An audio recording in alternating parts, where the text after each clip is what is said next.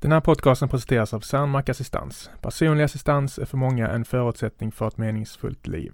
Det handlar om dig som lever med en funktionsvariation och som därför behöver extra stöd för att kunna leva som alla andra. Gå in på cernmark.se för kostnadsfri rådgivning och för att få svar på de vanligaste frågorna gällande bland annat personlig assistans och anhörigfrågor. Vi presenteras även av Maxi ICA stormarknad ute på Bergvik. Känn dig varmt välkommen till oss på Maxi Karlstad önskar Christer med personal. Drömmar för personer med funktionsvariationer är stora, men möjligheterna är ibland tyvärr rejält begränsade. Detta vill Forshagaakademin ändra på genom en ny individanpassad yrkesutbildning på gymnasienivå. Läs mer på forshagaakademin.se. Tack till er som möjliggör den här podcasten. Nu rullar vi vignetten.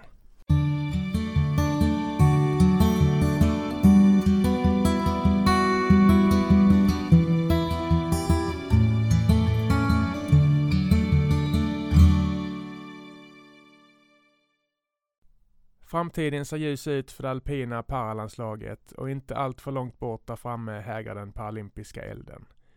Allt jag har gjort och gör är för just det som sker i Beijing 2022. Det är min dröm att ta medalj på spelen, säger Ebba Årsjö, som tillsammans med Aron Lindström och Arvid Skoglund utgör ett av Torens yngsta landslag. Ebba går fjärde året på Vintersportgymnasiet i Östersund. När funkisliv når henne har hon precis fyllt år, men det riktiga firandet får vänta lite. Nu ligger istället fokus drygt ett år framåt. Jag är numera 20 år gammal och vill ha roligt på vägen, men min, med paralympiska drömmar begränsade min vardag en aning.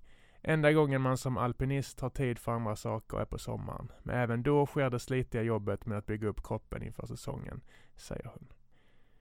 Ebba berättar att hennes dagar just nu i ännu högre grad än annars består i att åka, åka, åka. Jag har spenderat de senaste två månaderna hemma i Vemdalen eftersom vi gymnasieelever har distansundervisning. I och med detta har jag haft många timmar i backen, säger hon. Och fortsätter.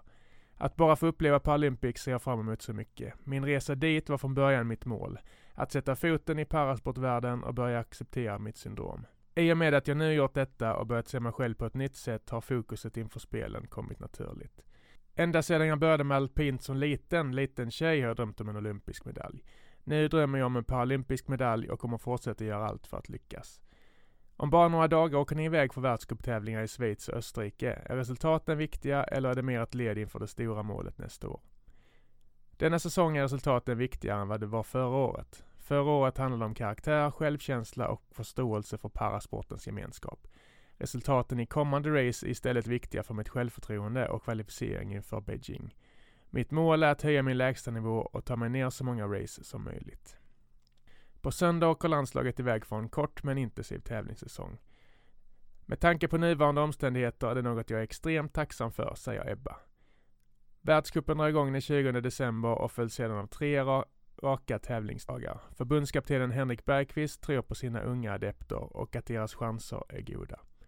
Alla har visat framfötterna i träningen och åkningen ser bra ut. Det är första tävlingen på ett år så vi smygstartar och bygger självförtroende längs vägen för att avsluta på topp i Ryssland och WC-finalen i början på mars, säger han. Vad har du för förhoppningar på tävlingen?